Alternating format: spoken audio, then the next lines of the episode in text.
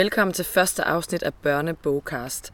Vi har taget optageudstyret med og placeret os i haven, fordi i dag handler det nemlig om sommerferielæsning, og det kan jo sagtens foregå udenfor. Jeg hedder Lisa, og med mig har jeg dig, Julia. Ja, det har du. og øh, senere har du også øh, Lisbeth Vestergaard med, som øh, vi vil tale med om, hvorfor det overhovedet er vigtigt at læse i sommerferien, og hvilken betydning det har, hvis man ikke gør det. Mm. Og så har jeg lige her foran mig en gigastak øh, børnebøger med, Ja. som jeg vil øh, anbefale Jeg senere. har en lidt mindre stak. Mine bøger det er måske lidt tykkere end dine, nogle af dem. Det er fint. Det er fint, ja. Øhm, men velkommen til Børnebogcast. Vi glæder os sindssygt meget til at dele vores øh, begejstring for børnebøgerne med jer. Jeg hedder Clara, jeg er 12 år, og den sidste bog, jeg læste, det var 21 måder at dø. Øh, den kunne jeg rigtig godt lide, fordi den var spændende, og man blev meget hurtigt optaget af den, fordi der skete noget fra næste første side af. Den næste bog, jeg skal læse, den hedder Beautiful Dead, og den vil jeg gerne læse, fordi at da jeg tog den ud fra boghylden, så havde den sådan nogle ret dejlige sider at røre ved, og så bagsiden, den var også ret tiltrækkende. Og så vil vi gerne sige velkommen til dig, Lisbeth Vestergaard. Du øh, arbejder hos Københavns Biblioteker, og så er du her i dag, fordi du ved helt vildt meget om, hvorfor det er en god idé, at børn skal øh, læse i sommerferien, om læselyst og alle sådan nogle ting.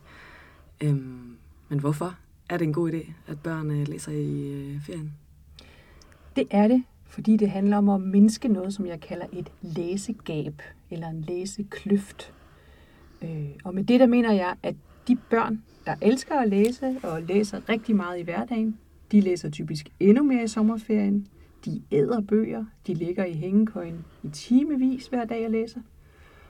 Og så er der de børn, som ikke særlig godt kan lide at læse til dagligt. De hader det måske. De læser ikke særlig meget i sommerferien, og de bliver faktisk dårligere til at læse. Så står man med en situation efter sommerferien, hvor der er nogle børn, der er blevet meget bedre til at læse, og nogle, der er blevet, enten har de stået stille og er blevet endnu dårligere. Og det er et læsegab. Altså, de bliver dårligere, fordi de holder en en for lang pause. Ja. Faktisk er det sådan, at øh, det er ikke bare sådan, at det er status quo, hvis man lader være med at læse hen over sommerferien. Der er faktisk lavet nogle undersøgelser, der viser, at man bliver man mister nogle af sine færdigheder. Okay. Og det er jo sådan øh, lidt chokerende faktisk. Så, og det, det gør jo, øh, at sådan et læsegab der, det, det er også en form for polarisering øh, og øh, en form for ulighed mellem børn. Og det er jo ikke særlig godt. Øh, og man kan også sige, at øh, det med, hvorfor skal man læse i sommerferien? Hvorfor skal man se nogle gode film i sommerferien? Hvorfor skal man øh, lave nogle sjove ting i sommerferien? Ja, hvorfor skal man ikke læse nogle sjove bøger i sommerferien? Øh, der har man tid til det. Så det er selvfølgelig også rigtig meget for opleverne, oplever, oplevelsernes skyld, at man skal læse i sommerferien. Det gælder jo børn og voksne. Ja, for hvad kan, hvad kan litteraturen give børnene? Eller bøgerne give de her børn, øh, ud over gode oplevelser? Altså, der er det her med, jeg dvæler lige lidt ved med oplevelserne, fordi Ja. når man får gode oplevelser af litteratur, så hænger det tit sammen med, at man danner nogle meget stærke indre billeder. Ens egen fantasi er i gang. Øh, og dem, der er øh, hardcore lystlæsere, de ved godt, hvor vanedannende det er, hvordan man bliver suget ind i bogens verden. Man skal lige have det sidste kapitel med. Når man har læst bind 1, skal man have bind 2, 3, 4, 5, 6. Og det er, fordi man oplever nogle verdener øh, gennem litteraturen. Man oplever nogle stemninger og følelser. Det er vanedannende, og det er sådan en form for, for stærkt drug. Øh, det er noget af det, børnene får i litteraturen. De får jo også øh, andre ting. Fred og fordybelse. For eksempel fra deres øh, forældre eller fra deres søskende. Øh, for de lidt yngre børn kan der være det, at litteraturen giver øh, dem noget, noget råstof at lege med. Der er, øh, vi har jo en, en professor i børnekultur, der hedder Bette Juncker, og hun taler om, at børn har brug for råstof til leg, altså fortællinger eller universer, og det er der jo også i bøger. Altså universer, man selv kan bygge videre på, øh, selv kan lege videre i. Så det er altså ikke kun, du, du øh, sagde lige i begyndelsen, det der med, at det får at mindske læsegabet, og at, og at børnene, hvis de ikke læser, så bliver de dårligere til at læse. Så det er altså ikke kun på grund af selve læsetræningen, men også alt muligt andet, ikke mindst. Der er også noget, ja, der er andre ting på færre, det man kan kalde en, en narrativ kompetence. Altså at man bliver skarp på at forstå, hvornår noget er en fortælling, at der er en begyndelse, en midte og en afslutning. Nogle gange kommer afslutningen først nogle gange, hvis det er et flashback og sådan noget. Det er, sådan, øh, det er måske lidt mere langhåret, det her med at kalde det for narrativ kompetence, men den træner man faktisk også. Det der med at kunne genkende, hvornår er noget en historie. Nu nævnte du også øh, lyst lige før. I den forbindelse, hvor vigtigt er det, der, at børnene selv får lov til at vælge, hvad de vil læse, Det når de er- nu har ferie? Det er rigtig vigtigt. Det er afgørende. For i en skolesammenhæng, der er det jo, øh, der er selvfølgelig også øh, læsebånd, og så mange forældre nok kender, og det her med, at der er læsetid, frit, hvad skal man sige, lystlæsning i skolen, men det er alligevel i en skolesammenhæng, og det er noget, man skal. Øh, og der kan også tit være nogle titler, som ens lærer har valgt, at dem skal hele klassen læse. Men det her med, at man selv vælger, det hænger sammen med sådan noget som, øh, hvad skal man sige, myndighed. Altså, at man, jeg har selv set den her forside, den talte til mig, den tager jeg. Øh, Og hvem kan ikke godt lide at føle sig som et øh, myndigt menneske, der bestemmer selv? Ja, sådan har de fleste voksne det jo også, Ja. tænker jeg. Øhm, og så er de jo også, når man selv vælger bogen, så er man aktiv. Man forholder sig aktivt til den, inden man begynder at læse den i det hele taget. Øh, man har forholdt sig til forsiden, måske til bagsiden. Øhm, og så er der også noget med identitet. Altså, hvis man tager en bog og siger, den her, den, er, den ser spændende ud, den handler om øh, skeletter og horror. Det passer godt til sådan en som mig. Altså, bogen er med til at definere, hvem man er som person. Så der er noget med, at læsning og identitet hænger sammen, og det er jo, altså, identitet, det er jo noget, man selv har, det er noget, man selv, skal man sige, øh, finder på hele tiden. Øh, det kan andre ikke gøre for en. Øh, så derfor er det vigtigt at vælge selv. Og der er ikke noget, der sådan, altså... altså, det vigtige er, at de selv får lov til at vælge, at de vælger af lyst. Der er ikke noget, der sådan er bedre... Altså, der er ikke noget, der er bedre end andet til alle de der ting, du sagde, litteratur kan, børnelitteratur kan før. Der er jo kæmpe forskel på, om det er en fagbog om dinosaurer, eller om Messi, eller om det er en Josefine Ottesen-roman. Men lige præcis i den her sammenhæng, der er det hele godt, hvis det fremmer læselysten. Hvis det er noget, der trigger, altså noget, der tænder læselysten, og som gør, at du får lyst til at læse mere bagefter, så er det per definition godt. Og her er vi jo bare, altså jeg snakker fra ud fra sådan en biblioteks øh, sammenhæng, der er vi anderledes end skolen. Øhm, og jeg tror, at rigtig mange forældre, øh, de skal ikke være så bekymrede for det der med, at deres børn læser en masse serier om øh, zombier. Det er fint. Altså, hvad ser man ikke selv i fjernsynet af ting og sager? Øhm, og øhm, forældre kan også godt øh, lægge lidt låg på det der med, at øh, hvad kunne jeg godt lide at læse selv som barn? Og det var jo også rigtig litteratur. Altså, læg det væk. Læg det til side. Øh, kig på dit barn. Kig på, hvorfor nogle interesser han eller hun har. Og så lad læselysten begynde der. Men hvis man så som forældre øh, bedst kan huske det, man selv læste som barn, og ikke rigtig ved, hvad der så rører sig nu, og hvad er smart og moderne, og hvad findes der overhovedet, hvor kan man så hente inspiration og hjælp til, Hvis man ikke ud over biblioteket? Udover biblioteket, der er jo rigtig mange, der er, en, der er forskellige blogs om børnebøger. Øh, spændende blogs, børnebøger.dk. Der er, øh, der er også en, et initiativ, der hedder gratisbørnebøger.dk. Det er, øh, det er syv danske børnebogsforfattere, som har besluttet sig for at finde ud af, hvor meget kan man få børn til at læse, hvis det kun er ét klik væk, altså typisk på iPad'en. Og de kører sådan nogle øh, sommer øh, tilbud, hvor der bare er en masse gratis børnebøger, som alle kan gå ind og læse. Øh, og der, jeg tror, der er 27 eller 30 titler. Det er ufattelig nemt at gå til. Det kan være, mens man er på ferie i Portugal. Så Hvis, hvis man har sin findes, iPad med, Hvis man har sin iPad med, ja. ja, eller en telefon måske.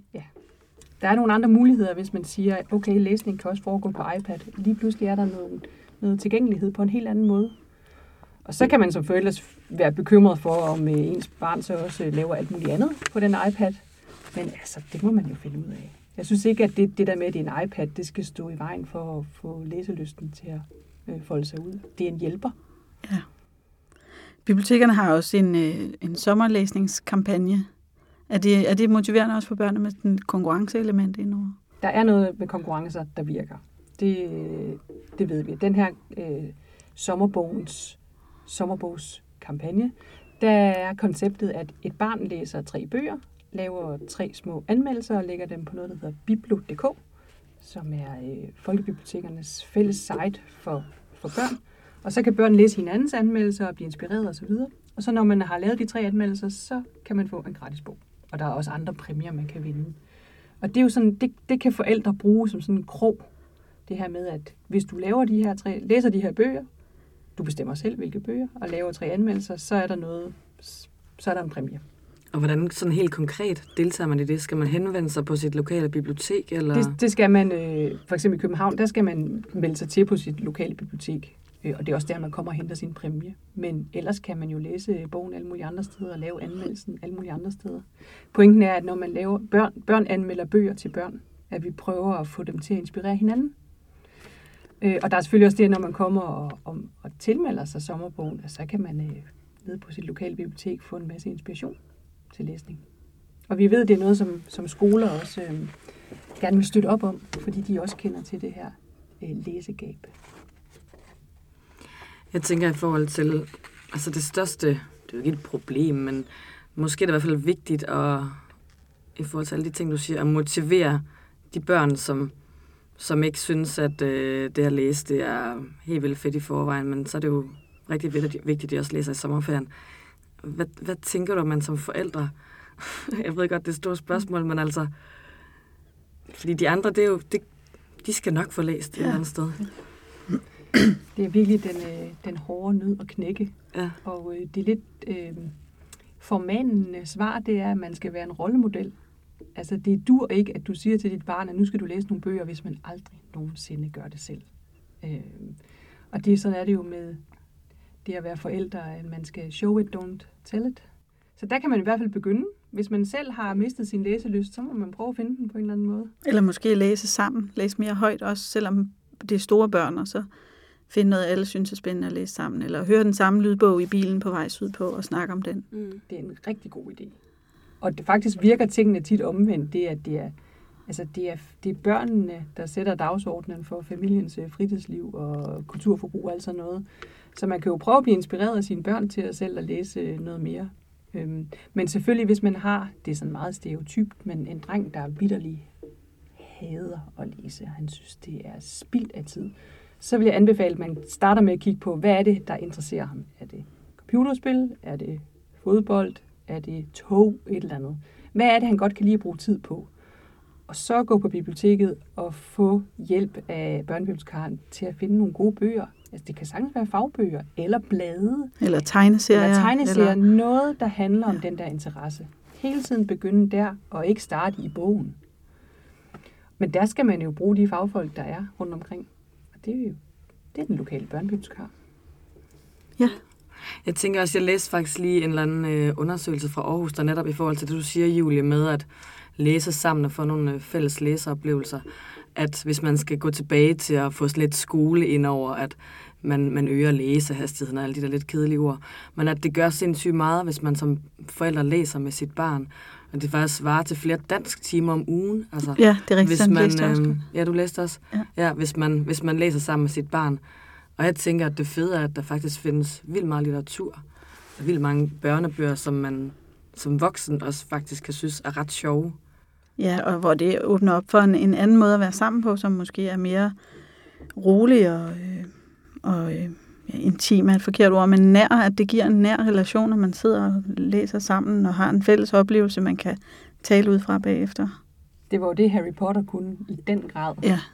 Og der, jeg har også... Øh, øh, jeg har selv en dreng på fire år, og jeg kan næsten ikke vente til, at han bliver gammel nok til, at vi sammen kan læse Harry Potter. Det, det, han er der ikke helt endnu. Nej. Men det, det ser jeg virkelig frem til. Og der kan man også sige, hvad, jamen, øh, der har bibliotekerne også en opgave med at få vist, at der var Harry Potter, men der er også det og det og det og det og det og det. Og Bjarne Reuter kan stadigvæk nogle ting. Det der med, at der er nogle forfattere, som kan tale til flere generationer. Ja, det er rigtigt. For de yngre børn kan det jo være H.C. Andersens eventyr, hvor der er utrolig mange lag i. Det, det behøver ikke være den nyeste børnelitteratur. Det kan også være noget af det noget klassisk. Pippi, Pippi holder, Astrid Lindgren holder. Ullund Kirkegaard. Ullund Kirkegaard. Der er det hele taget nok at tage af. Jeg hedder Agnes, og jeg er 8 år, og jeg elsker at få læst bøger højt, fordi så kan man forestille sig sin egen fantasi. Mine to yndlingsbøger er en, der hedder Missionen, og en, der hedder Rejsen. Og fordi jeg godt kan lide dem, er fordi, at øh, man selv kan få, altså man selv kan lave sine øh, historier.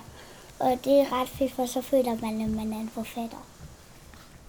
Da-da! Nå, så er vi nået til den del med inspiration. Lækkert. Og din øh, tykke stak af bøger, Lisa. En tykke stak af bøger. Ja. Ja. Det kommer jo til at gå lidt hurtigt, så øhm, vi skal huske at sige, Julie, at inde på vores Facebook-side, der øh, lægger vi jo alle de bøger, vi taler om i dag op, men også nogle flere andre. Det er rigtigt. Man kan altid gå ind på Børnebogkast på Facebook og finde mere inspiration, fordi det er også rart at kunne se måske forsider og øh, hvad vi ellers nu finder på at lægge op derinde. Men den første bog i min stak, det er den, der hedder 2 plus 2 af Coco. Den er skrevet af Mette Vedsø, som er en rigtig dygtig forfatter, faktisk en af mine yndlingsforfattere. Hvem er den god til? Jamen, jeg synes, den er god sådan fra, fra 9 år og op. Og den handler om øh, Coco, der øh, bor med sin far, og, øh, og moren ved hun faktisk ikke rigtig, hvor er. Så den handler lidt om det der, det der savn, man kan have i hverdagen. Okay. når man kun er to. Så hun drømmer lidt om, hvordan det nu er, hvis 2 plus 2 er Coco, hvis der nu kom to andre. Og faktisk så flytter der en frisør ind ved siden af, som har en datter. Og øh, ja, Ja. Så de bliver veninder, eller? de bliver veninder, og så drømmer Coco jo om, at måske kan de blive, blive familie. Men, men det, bliver alligevel, det går alligevel ikke sådan helt, som, som hun tror. Men det er en rigtig varm fortælling, og, øhm, og for nogle børn vil den virke humoristisk, for der er også humor i, men, og for andre børn, som måske kender det der med at, at være, ikke have sin mor og far hele tiden, øhm, så vil de også kunne kende noget af sig selv i den, og måske føle sig forstået. Okay. Jeg har faktisk ikke læst den, men den lyder rigtig god. Den er virkelig god. Jeg skal på at læse den. Ja. Jeg har også taget en bog med om to veninder. Mm. Den hedder, øh, det er en serie, der hedder Stjernestøv. Øh, og øh, der er kommet to bøger indtil videre, Okay. som handler om øh, Selma, som gerne vil være... Øh, eller faktisk vil hun ikke være skuespiller. Det er hendes veninde, der gerne vil være med i en film. Men så ender det med, at det er Selma, der får rollen. Uh. Så har vi balladen. Øh, men den er rigtig god til de der piger på øh, ja, 8-10 år. Mm. som selv kender til det med at have veninder, og hvor svært det kan være at navigere i nogle gange, og som måske også har set X-Factor i fjernsynet og tænkt, hvad nu hvis det var mig? Ja, og hvem har ikke det? Ja, jeg har det i hvert fald. og så har den en meget øh, tiltalende forside, det skal man ikke... Øh, det virker også med, og for at få børn til at læse. Ikke? Der er sådan lidt glimmer på og nogle sølvstjerner. Mm. Det kan de godt lide. Den er rigtig tøset og lækker. Det er den meget fin. Den næste, jeg har, det er overhovedet ikke tøset. Det, det er Gys. Det er Benny Bøtkers Jeg venter i mørket. Og der er altså fire øh, makabre historier, øh, som der står her bagsiden, der med garanti vil få dit blod til at fryse til is. Ja, det tror jeg på. Og de er altså skidehammerende uhyggelige, øh, men også rigtig gode. Så det er lidt til drengene, ikke? Hvis du, at det er bog nummer 100, han har udgivet. Ja, det er rigtigt. Det er ret vildt. Ja, det er ret vildt. Ja. ja. Men det er altså Gys. Pigerne må også godt læse med. Det må de i hvert fald. Den er også god. Og så lige nedenunder, så er der øh, Jesper Wungsungs Sam. Og øh, ja, nu er det jo, nu er det jo øh, lyd, så man kan ikke se forsiden, men altså bare selve indbindingen, altså bogindbindingen er ret, er ret vild. Nede i hjørnet er der sådan, det ligner, der er taget en bid af bogen. Og, øh, og titlen Sam står sådan skrevet med blank sort skrift, der nærmest er sådan bloddrøbende. Det er en meget lækker bog. Ikke? Ja, det er den virkelig. Der, der er kælet for Man detaljerne. får lyst til at tage den. Men den handler om Sam, som er zombie, og øh, hvor svært det kan være at være en zombie-dreng, der lever i øh, et helt almindeligt samfund, hvor ikke alle er zombier, og det der med at skulle passe ind, og øh, men det er faktisk lidt svært, når man, når man ja, går lidt zombieagtigt, og ja, jeg vil ikke afsløre for meget egentlig. Nej, det synes jeg heller ikke, du skal. Nej. Den er god til lidt større børn, ikke? Tænker jeg. Den er god til lidt større børn. Den er sådan 11-12 år er Ja. den god. Men altså, de, jeg har læst den højt for mange, øh, for mange ja, piger og drenge netop i den alder, og de elsker den. De Ja. synes, den er sindssygt spændende. Den er rigtig god. Ja. Og så har du en anden en. Ja. Med nogle... Med nogle, øh, den hedder Dyr med pels og uden. Den har du læst, ikke? Jo, af Ja. Kvist. Hvad synes du om den? Jeg kunne rigtig godt lide den. Ja. Jeg kan godt lide, at øh, den er alvorlig, men samtidig humoristisk. Mm. Og så kan jeg rigtig godt lide, at hun selv har illustreret den, og at den bliver brudt op ind midt i af næsten en tegneserie. Ja. Det synes jeg var øh, sjovt, og passede godt til historien. Ja.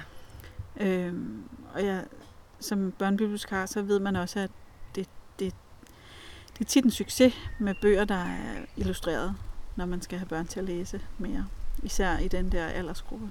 Ja, man kan 8 sige- og 12 år. Og der bliver jo flere og flere af den slags bøger, hvor der også er... Øh, Ja, det er heldigvis meget moderne lige for tiden. ja, det er super moderne. Ja. Og børnene elsker det altså. Det gør de.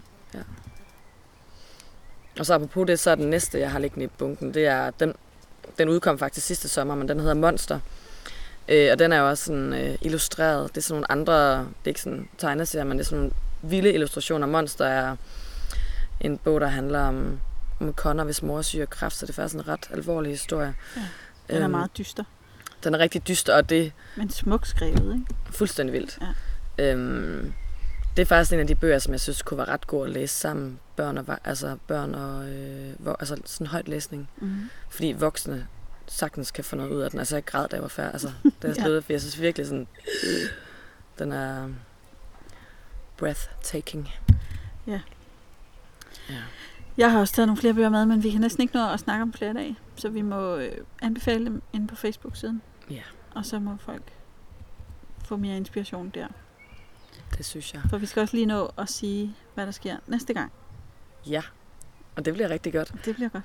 For der får vi nemlig ikke besøg af Lisbeth Vestergaard, som vil stille mig om sommerferielæsning, men af forfatter anne Sofie Hammer. Ja, som har skrevet øh, de kendte og elskede bøger om Villas fra Valby. Ja. Ja. Og hun, øh, hun kommer og taler med os. Det bliver rigtig godt. Det bliver rigtig godt. Så tak for i dag. Selv tak.